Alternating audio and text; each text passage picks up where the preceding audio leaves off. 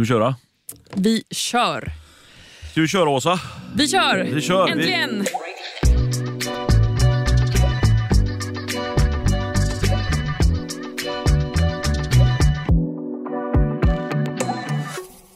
är igång, vi är igång. Eh, Stefan Rundell här på Breakit. Vi har med oss vår huvudsponsor Swedbank, eh, vilket är oerhört avgörande för att den här podden ska kunna sändas.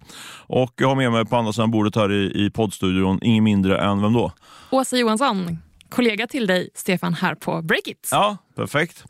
Du, eh, ja, hur är läget? Har du något på hjärtat här innan vi rullar igång? Oh, så mycket på hjärtat. Det var så himla härligt väder idag, så det Ja. är man glad över. Vilket är skönt när allting annat verkar så dystert runt om i världen. Men det är torsdag och det är podderi på gång, så eh, jag håller mig i den glada andan. Underbart. Själv då? Ja, men jag, är lite, jag har gått och varit lite um, konfunderad, eller gått och funderat. Jag gick, läste min, min fru Gunilla Eidet Lundells eh, LinkedIn-inlägg här nu precis på morgonen. Hon uppmanade att man skulle göra, något nytt, pröva på nya saker.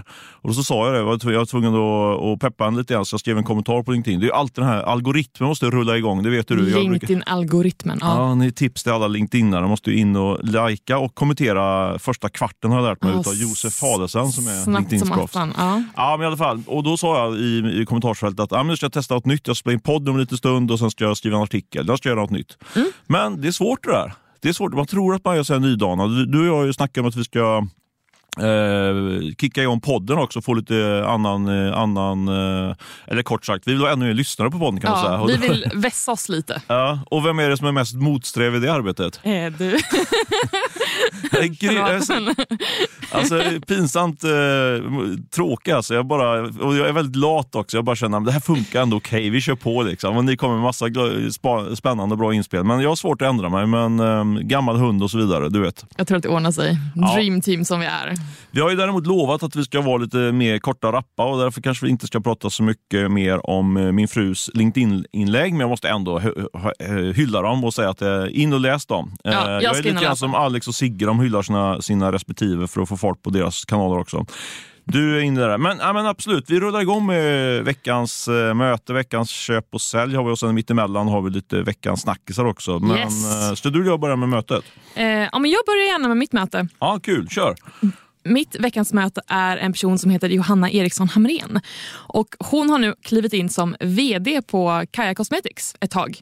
Eh, I och med att eh, Adeline Sterner, som annars är VD, är eh, föräldraledig ett tag. Och Kaja är ju en av Sveriges hetaste och snabbast växande e-handlare på, kan man säga. Vad man det? Precis, ett skönhetsbolag tillika Bianca Ingrossos pengamaskin. Brukar tycka om att skriva.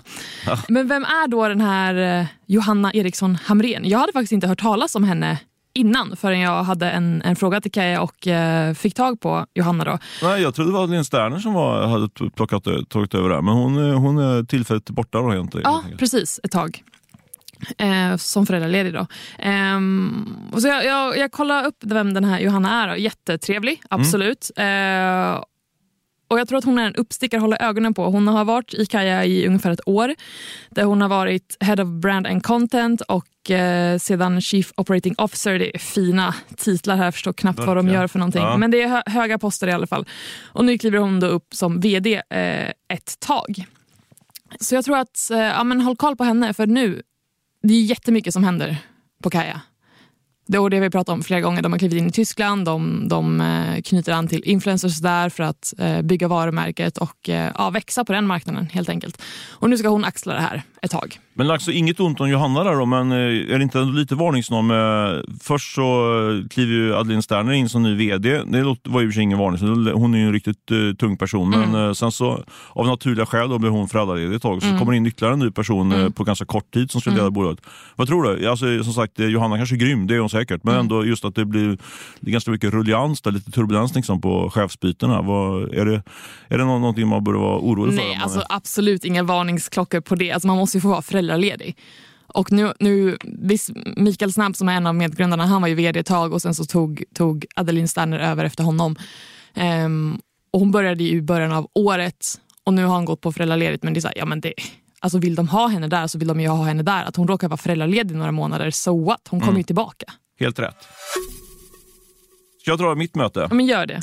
Jag, träffade, eller jag snackade med Julia Delin här, eh, i, eh, igår var det, eller förrgår, jag kommer inte ihåg riktigt. Ja, och vem, vem är det? Nej, men hon är en person som jag har haft så här, kontakt med på Uh, Clubhouse när det var hett, var hon inledd i Oh. diskussionen. Ja. Mm. Och sen även på, på Twitter har följt henne, vi har haft lite twitter men jag har aldrig träffat henne. Det är såna, här- vissa, vissa människor är det så att man har, har en relation med dem trots att man eh, aldrig har träffat henne.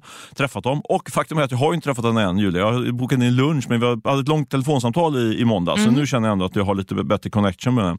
Ja, och Julia hon är ju då, eh, hon har gjort en riktigt bra resa med eh, Handelshögskolan, Elitskolan som jag tycker om att kalla den i rubrikform. Eh, Hon gick ju in och började köra deras inkubator här för två, tre år sedan tror jag. Ja. Och eh, jag tror det var så att hon var ensam anställd. Nu är de fyra, fem anställda och de har, antalet bolag har ju växt lavinartat. Där. De har gått från ungefär 10 intag per år till, till uppåt en 25-30 tror jag.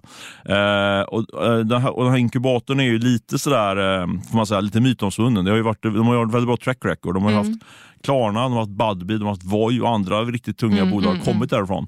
Eh, men det nya med, som Julia ringde och berättade för mig i måndags då, det är att de nu drar igång en eh, fond helt enkelt. Hon får Okej. in, först, I första läget får hon in 40 miljoner och sen kommer in ytterligare 60, så ungefär 100 miljoner kommer hon ha och investera i de här bolagen då som kommer in i Handelshögskolans inkubator. Eh, det tror jag kan bli riktigt spännande faktiskt. Eh, för hon hade en bra pitch på det. Hon sa om de hade haft den här fonden eh, up and running när de drog igång inkubatorn, då hade de ju, för upp- upplägget är så att de investerar 300 000 kronor i alla bolag som kommer in i inkubatorn oavsett vilka bolag det är. Så, att säga. så först kollar de, men hade de haft det förfarandet då från start, då hade de ju varit med både i Budbee, Klarna och eh, Voi. Mm. Och eh, det hade räckt att de varit inne i ett av de bolagen så hade hela fonden betalats tillbaka, alltså 40 miljoner. Så det var, Helt är okej. Liksom? Ja. Ja. liksom, så, så det, hennes pitch var liksom att det räcker att vi fortsätter att be, betala in pengar till de här bolagen, följer Mm. dem och eh, då kommer det komma en och annan sån här homerun och då blir det en bra, bra affär. Mm. Men du, vart kommer pengarna ifrån? Ja, men det är ju då eh, från liksom Handelshögskolenätverket, då, gamla handelsstudenter framförallt kan man säga. Men också är det eh, min gamla arbetsgivare, familjen Bonnier, Mm, deras eh, riskkapitalbolag, går in med pengar och eh, ett an, några andra såna här VC-firmor. Så det är riktigt, en riktigt tung eh, backup de har där i, eh, i eh, Handelshögskolans Ja, nya fond. verkligen. Men har de något liksom fokus på, på alltså vilken typ av, av um, bolag plockar de in i den här inkubatorn? Är det, ska det vara en inriktning på tech? Ska det vara... Ja, men det, det är mycket tech såklart och det, det är lite roligt det med just apropå fokus för då får, kan jag osökt komma in på en, en liten rolig anekdot som jag ändå, kom, som jag ändå fångade upp här. Mycket tack vare vår, eh, vår, eh, vår spion in på Handels kan vi säga utan att nämna några namn. eh, nej, men för, för de har ju ett antal kriterier på vad de ska investera i och eh, då är ju hållbarhet en eh, viktig fråga. Även eh, att man har ett, liksom ett jämställt team och så vidare. Mm. Och då noterade vår spion då eh, att eh, hade, hade de haft de här kriterierna när Klarna, Budbee och Voi hade varit, eh, varit igång så att säga, då Mm. hade det, ingen av de bolagen fått komma in på inkubatorn. Och, för de är ju liksom, det är så här hel, helvita killar-team kan man säga. Titta bara på Klarna, tre Ja, killar. ja, Liksom.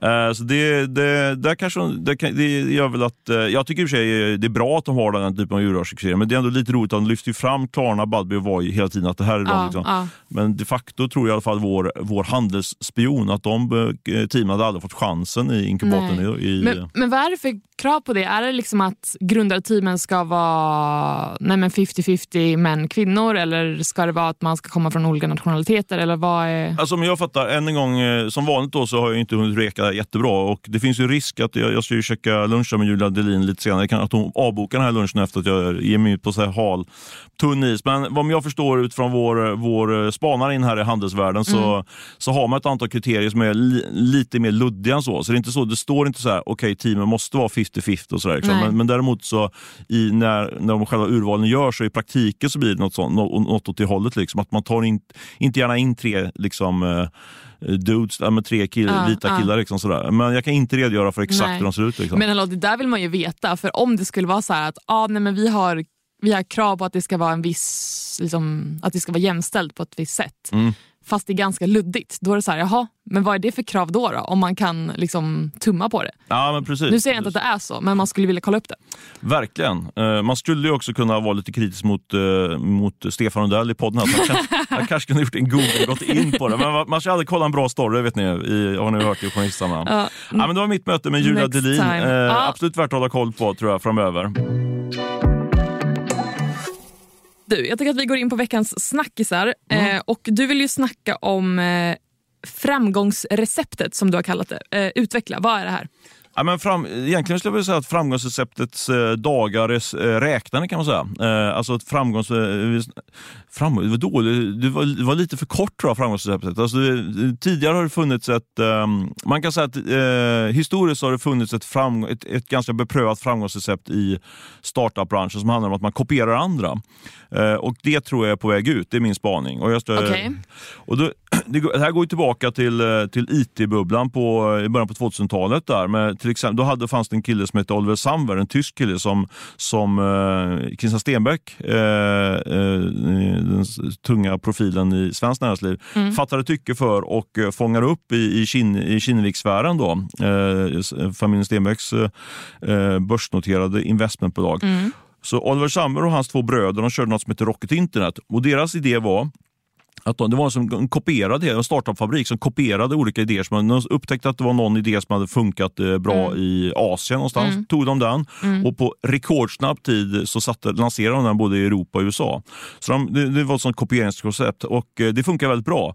Eh, och Det där har vi sett under, under hela 2000-talet. Ett annat exempel är ju Avito i Ryssland. Mm. Blocket-kopian kallar vi dem för. Liksom. Men du, fråga ja. på er, när du säger att det har gått bra, har det här alltså blivit ett lönsamt bolag? Är det definitionen av att gått bra? Ja men absolut. Och ja. Rocket är ju egentligen inte ett bolag utan de har, haft, de har nog lanserat 50, kanske 100 olika. Ja, så det är liksom okay. inte investmentbolag. Ja, men de har varit väldigt framgångsrika.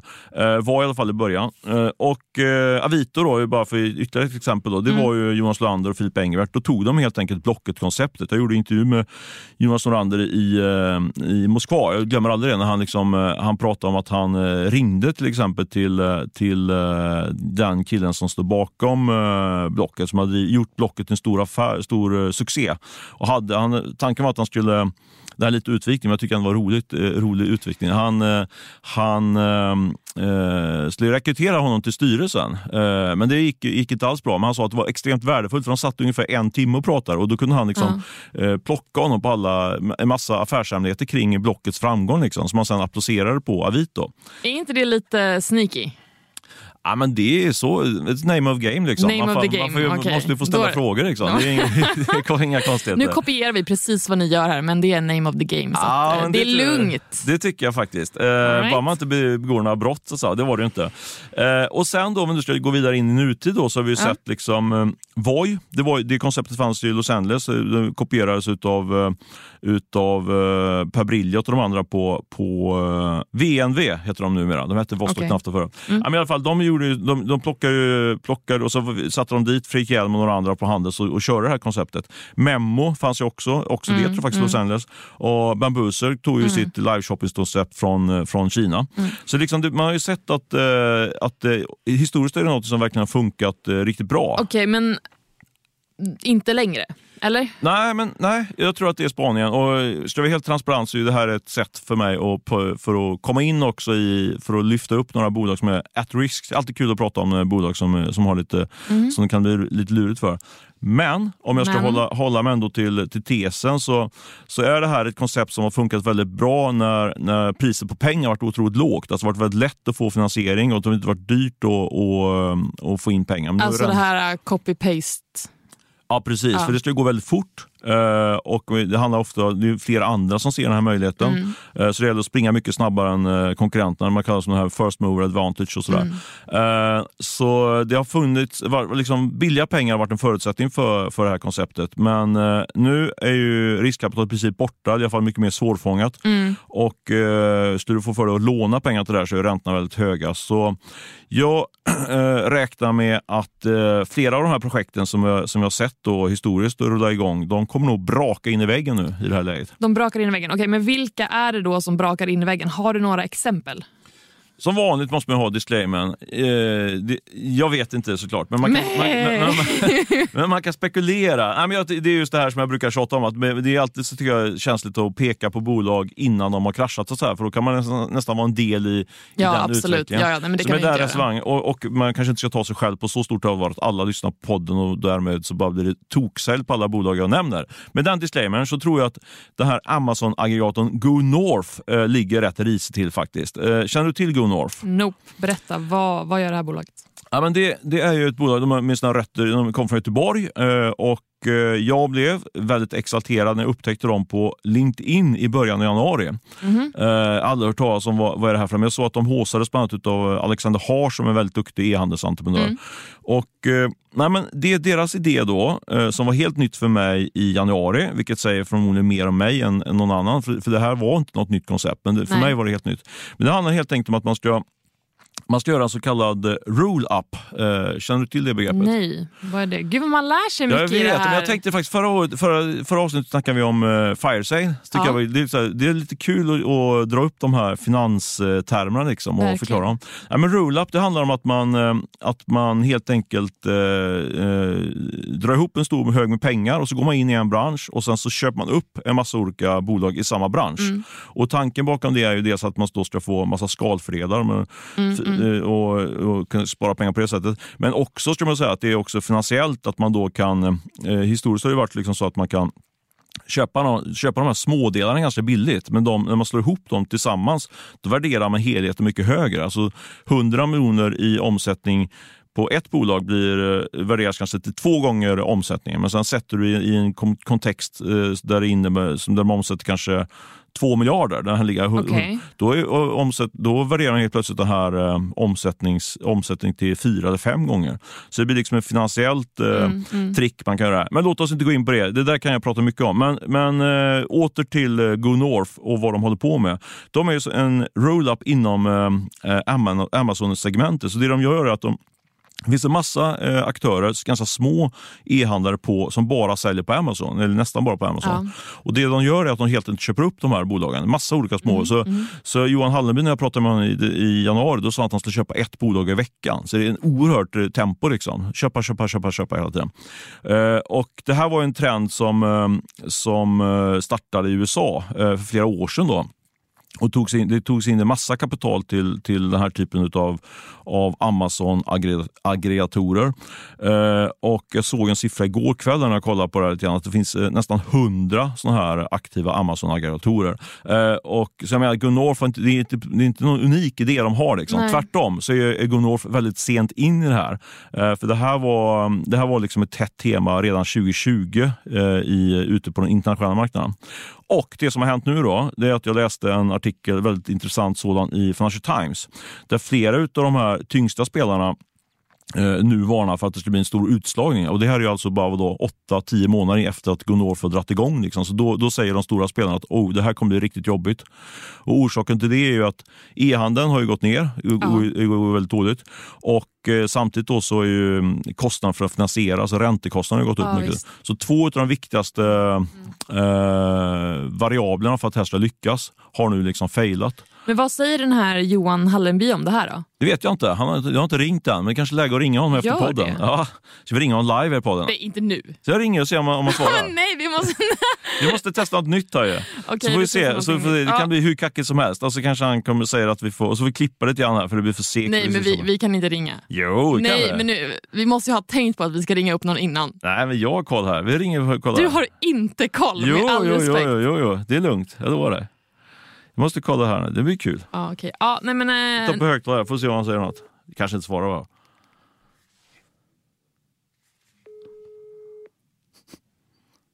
Stefan är så nöjd just nu. Men han svarar ju inte. Ja, ni hör. Jag gjorde i alla fall ett försök för att vara innovativ i podden. Nu gjorde du ju någonting Men jag kommer ringa, jag kommer ringa Johan Hallenby senare efter podden, jag lovar. Stay tuned. Okej. eh, Men det där var ju ändå poäng, för att ju, vi, nu gjorde vi ju någonting nytt. Eller du gjorde någonting nytt. Ja, men precis. Även fast han inte men det svarade. skulle inte sitta och säga självgott i podden. men det är bra. Nej, men Anyway, det, tillbaka det, till tillbaka ämnet. till ämnet. Det är alltså en, en, ehm, ett exempel på någon som kopierar en, en, idé och då, som jag tycker är lite varningssignal också, ganska sent kopierar man idén. Mm. Och nu har helt eh, marknadsförare förutsättningarna förändrats. Så jag skulle sätta en liten eh, varningsflagga på North. De har tunga investerare i form av bland annat Lena Apler och Alexander Haar som jag nämnde och i equity, mm, en stor mm. tungt riskkapital och även obligation på, på några hundra miljoner. Så ja, det är ett mitt exempel på, på, på ett bolag som, eh, som skulle kunna dras med i den här negativa trenden. Har du några fler exempel eller ska vi nöja oss där? Ja, men jag har ju, har ju också eh, min, eh, min gamla hattkyckling Kaval. Du vet att jag varit på dem. Ja. Ja. De är också, alltså. ja, verkligen. De, de jobbar ju med Eh, Eh, snabba leveranser. Ska leverera ut på en 10 minuter, en kvart tror jag, i Stockholms innerstad. Eh, käk eller andra saker. Och eh, de var ju också väldigt sent in, in i trenden. Eh, och det, det, här är något som funnits väldigt mycket internationellt. Och det, jag tror att deras take var liksom, att deras tanke var att de skulle ta Norden och sen bli uppköpt av någon av de här större mm. spelarna. Mm. Men nu är ju typ alla de här större spelarna ute i, i världen då, de är ju själva väldigt illa ute. Eh, och vi såg ju här på hemmaplan att Vembla gick i konkurs, som är en liten konkurrent till Kaval. Ja, den nyheten kom ju nu i dagarna, mm. eller hur? Det var Tobias Blixt hos oss som var först med att spräcka den nyheten. Så jag, jag tror att eh, om jag ska peka ytterligare ett sånt område som, är, som det ligger risigt till då, så är det väl Kaval och de här snabba leveranserna. Vi eh, bevakar och eh, rapporterar ja, så fort snart, vi vet något. Och så fort vi får tag på Johan Hallenby där så kommer det nya rapporter vidare till snackis nummer två. Yes. Eh, och jag har ju utnämnt dig Åsa till Breakers egen uppsägningsexpert. Mm. Hur känns det? Det är lite dåligt, inte jättebra rubrikord, halvbra rubrikord, men uppsägningsexpert. Hur känns det att vara det? Ja, nej men det, det känns väl helt okej. Okay. ska man bara tillägga då att jag är uppsägningsexpert för att jag har eh, skrivit lite om det, inte för att jag själv har drabbats av det gång på gång på folk. gång. Exakt. Eh, nej men så här då. Eh, vi har ju sett att från och med i våras så började ju uppsägningar och varsel dugga tätt från en drös olika bolag eh, i techsfären och det har fortsatt under sommaren och nu eh, in på hösten. Just det, och du, gör, du är ju den som sammanställer de uppsägningarna. Och, det eh, stämmer, exakt. Den här sammanställningen har ju också en tydlig koppling till det som vi tycker är en, ja, som du tycker är en snackis den här veckan, eller hur? Ja, nej men absolut. Den här listan har ju hunnit bli lång. då. Eh, 16 techbolag har varslat så här långt. Av det vi vet om, vet ni som lyssnar fler hojta, hör av er. Verkligen, och vi har en ny mejladress att ja. hinta. Vad är det? Är det pod nu får du säga. Podcast at breakit.se. Just det, så gå gärna in och kolla vad vi har listat för bolag. Och är det några bolag som, uh, som vi missat så får ni ropa till. Och kanske ännu mer, om ni vet bolag som är på gång uh, och varslar folk så ropa gärna till till oss så ska vi försöka ja. hålla koll på det. Jättegärna.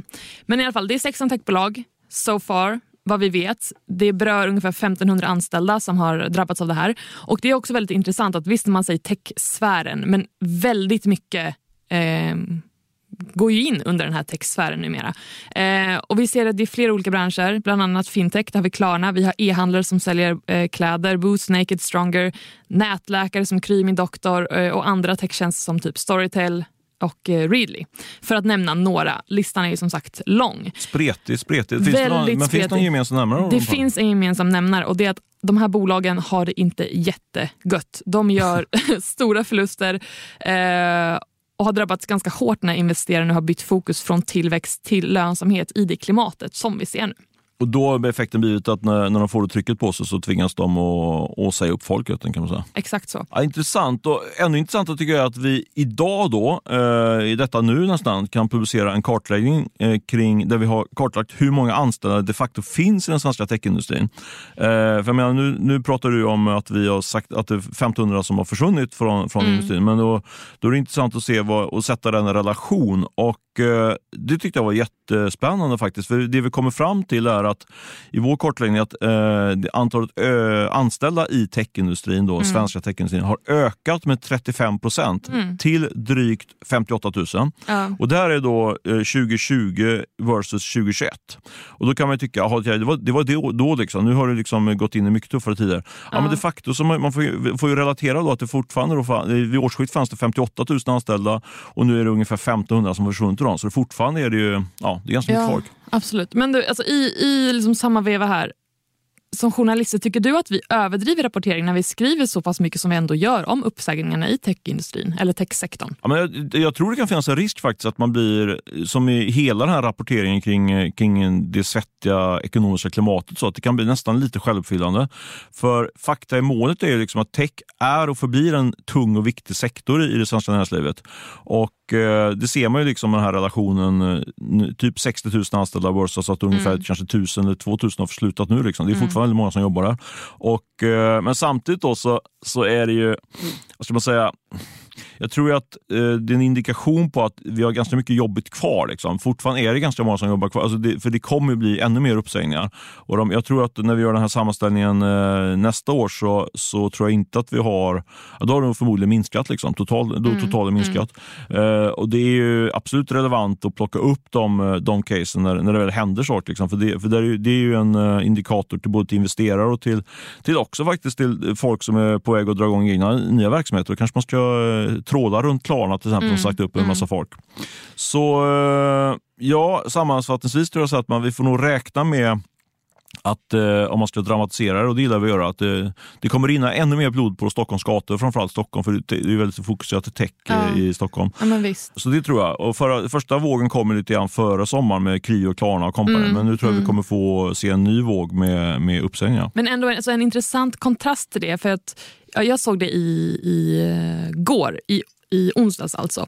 Att, okay, samtidigt som vi pratar om det här och vi rapporterar om det här ganska mycket så på SVT så pratar de om att det råder så här, alltså, megabrist på arbetskraft i techsektorn och att det förväntas råda ett underskott på hela 70 000 medarbetare fram till 2024. Just det, det var, var det Almega som har tagit fram siffran? Var det, det var någon, någon, någon, någon arbetsgivarorganisation tror jag. Va, ja, hade, exakt. Jag tror inte SVT um, själva, men, nej, det var inte nej, SVT. absolut. Uh, men då, då är det också så här, okej, okay, om det är, finns en, en, liksom ett underskott på 70 000 medarbetare fram till 2024 och det är 1500 som har drabbats nu, då alltså snabb analys på det. De som har behövt lämna sin arbetsplats kommer inte gå och leta jobb jättelänge. Mm. För sektorn skriker efter kompetens. Precis, och eh, kanske så här, reviderad snabbanalys av mig också. Att ja, det, det, det, är nog risk att, eh, eller risk, tack och lov, det verkar, vi kan nog räkna med att den, den här siffran på 58 000 den kommer att öka nästa år. Då, om, ja, det kommer den säkert. Ja. Helt klart. Så jag har, eh, kan redan i realtid eh, revidera mig själv där. Men det är kul, vi är i rätt segment, eller hur? Absolut. Men du, jag tycker att vi fortsätter följa det och rapportera kring det här. Eh, mm. Men först så hoppar vi vidare till vårt sista segment som är veckans köp och sälj. Och du Stefan har veckans köp på vad då? Jag har det på Podmi-grundaren Johan Strömberg. Podmi, vad, vad är det för något? Känner du till det? Podmi, berätta. Ja, men det är ju liksom en ny innovation inom i poddsegmentet, då, så passande. Eh, vi, eh, det handlar om att man prenumerera på poddar. Man får pröjsa för poddar istället för bara lyssna och sen få lite, lite reklam i utbyte. Mm. Eh, och De kom ju med eh, siffror i veckan om att de nu har 200 000 betalande prenumeranter. Väldigt glädjande tycker jag. Ah, Men det är inom Sverige eller utomlands också? Nej, de är utomlands också. Ah. Så det är inte bara svenska lyssnare. Men eh, det där fick mig att gräva lite vidare på Johan Strömberg. För det är nämligen så att Schibsted har ju, har ju köpt in sig i Podmin. De äger 91 procent av Podmin nu. Och nyfiken som jag är så var, vill jag kolla lite grann på hur mycket de har pröjsat. Och eh, då kan jag nu här och nu avslöja att Johan Strömberg har fått loss ungefär 60 miljoner kronor eh, genom de här affärerna. Så det var, gör väl honom till en form av dubbelvinnare i den här veckan. Dels att han har 200 000 betalande prenumeranter men också att han då faktiskt har cashat in rejält på den här poddtrenden. Så Johan Strömberg är veckans köp för mig. Du rullar vidare. Så du på veckans köp för dig. Du har någon kvinna eller man? Eller kvinna, va? Nej, man är det. Man är... Lamey sa du att det skulle vara. Berätta. Kabe Lamey, exakt. Lamey. Ja, du vet eh, och det, här, alltså det, här, det här är så bra. Det här är så bra. Ja. Här är en 22-åring som är världens mest populära TikTokare och han har närmare 150 miljoner följare och typ så två miljarder likes. Oj, går det? Alltså? Eh, ja. ja, ja nej, men han, vält, han välter ju internet. Alltså, eh, men vad som är så härligt med det här är att han har allt annat än en typisk liksom, influencerbakgrund. Han kom till Italien från Senegal som barn och han hade växt upp under enkla förhållanden. Um, och Han fick upp intresse för att göra karriär på sociala medier efter att han hade förlorat eh, ett jobb han hade innan på en fabrik. Mm. Och Hela den här storyn kan ni läsa på breakit.se såklart. Men idag tjänar han upp emot 750 000 dollar, alltså säg ungefär 8,3 miljoner kronor för varje inlägg han gör på TikTok. Oj, du skulle ha gjort inlägg hela tiden med den, med den siffran. Ja. mycket bra. Ja, faktiskt, jag, jag var inne och kollade honom det, för någon, någon vecka sedan, två, när jag hörde talas om honom. Men läst eh, knäcket på, på breaket får man liksom hela hans story. Gör det absolut. Ni Tycker jag kommer verkligen. absolut känna igen honom. För när jag, när jag såg det här, så alltså man har ju sett hans, hans ansikte på nej men, TikTok, Instagram, you name it. Liksom. Men jag visste inte vem det var och jag visste inte att, att han hade den här storyn. Så nej, stark köp på uh, Kabi Lamey. Starkt köp där och stark sälj, eller jag vågar, lite sälj i alla fall. En liten smygsälj på Magnus Emilsson. Eh, Smygsälj. Nej, Ja, jag hårt ty- mot hårt här. Ja, men jag Sälj. Lite, lite sälj på Magnus Emilsson. Varför då? Jo, han är ju en, eh, en framgångsrik affärsängel i Göteborg och Mm. han var ju första investerare i eh, Naked och vi kunde då i veckan avslöja att han hoppar av som ordförande i Naked. Mhm. Eh, tycker jag är intressant och nu går jag in på spekulationsspåret här. Ja, Eh, låt höra. Vi, eh, han är liksom då med Jarno Vanhatapio som är grundare till Naked. Mm. Och jag tror att det här är liksom ändå, jag tror att det är mer att han får kicken som ordförande än att han hoppar av om jag får sticka ut hakan. Eh, han har liksom tillsammans med Jarno han körde, han ju, drev han ju på det här tillväxtspåret för, för Naked. Men nu har det helt svängt om och nu är det ju bara fokus på lönsamhet för, när det gäller Naked. Den här killen som kommer in som, eh, som ny styrelseordförande är ju en riktig sån här turnaround-expert. eh, Expert på att få, få, få lönsamhet enkelt på företag. Och eh, jag skulle säga att det definitivt är liksom en seger för den här eh, falangen inom Naked som jag tror finns som förordar vinst för eh, tillväxt. Men eh, sista datapunkten till varför han är en säljkille den här Magnus Emilsson, det kan vara för att jag är lite sur för jag har ju sökt Magnus här sedan i tisdags och han har fortfarande inte ringt tillbaks. Och nu lär han ju inte ringa tillbaks eftersom jag Hur att han många säger- gånger har du ringt? Eh, jag har haft sms-kontakt och ringt eh, kanske fem gånger. Okej, du har, men det räknas ju som att ha jagat. Ja, ja, men han har svarat. Han har Absolut. sagt att nu går jag på plan, nu ska jag ringa efteråt och så vidare. Sen ringer han inte. Och så gjorde han inte det. Okej, Så ring mig Magnus så kanske det blir år, veckans köp nästa vecka. lite så utpressning. Om man inte svarar i telefon och Stefan ringer så blir man veckans sälj. Ja, Eh, men lite så. Lite så. Ja, eh, vad, vad tycker ni som lyssnar om det är en bra strategi från Stefan? Ni får jättegärna höra av er och kommentera antingen på podcast.breakit.se eller så kan ni höra av er direkt till oss. Mig når ni på asa.breakit.se och dig Stefan på. Stefan at breakit.se. Men du, nu hugger jag tag i min veckans sälj. Gör det. Eh, som är stark, stark sälj på att TikTok ger sig in i lågpriskriget. Eller krig kanske man ska säga. I, i battlen om eh, ja, lågprisvaror eh, i alla fall. Eh, och det här, den, den eh, kinesiska e-handlaren eh, Shein, tror jag man säger, har verkligen skakat om modevärlden med sina absurt låga priser. Och nu är det ju en ny konkurrent i form av TikTok. Och TikTok eh, ägs ju av ByteDance. Ehm, och nu så lanserar de en ny e-handel för snabbmode som heter If You. Eh, och varför sätter jag sälj på det här? Jo, för vi behöver inte en till lågprisaktör. Det är eh, noll kvalitet och det sabbar för klimatet. Det är lite hårdvinklat, men så tycker jag i alla fall. Så sälj på det. Jag håller helt med. Amen säger jag efter det. Det är, Ja. det är jag har väldigt svårt för Shine. Eller Shane, eller Shane eller vad det heter. Men, men eh, bra, bra sälj. Eh, då ska vi stänga poddbutiken för den här veckan. Eh, vi har, har varit eh, inte finansierade utan sponsrade och backade utav Swedbank, vilket är väldigt bra. Och eh, som sagt, har ni respons på det vi gör så skicka gärna ett mejl till podcast.breakit.se. är det Va? Exakt. Och sen ska ni också in och lajka och trycka prenumerera och allt sånt där. Ni vet, det skriva en recension till och med. Det vore grymt. Ja, men, eh, betygsätt oss jättegärna. Ja, det borde göra. För ni måste hjälpa oss att få ännu mer hungriga och eh, framåtlutade lyssnare. Bra, bra. Eh, jag säger hej. Vad säger du? Jag säger hej och eh, vi hörs.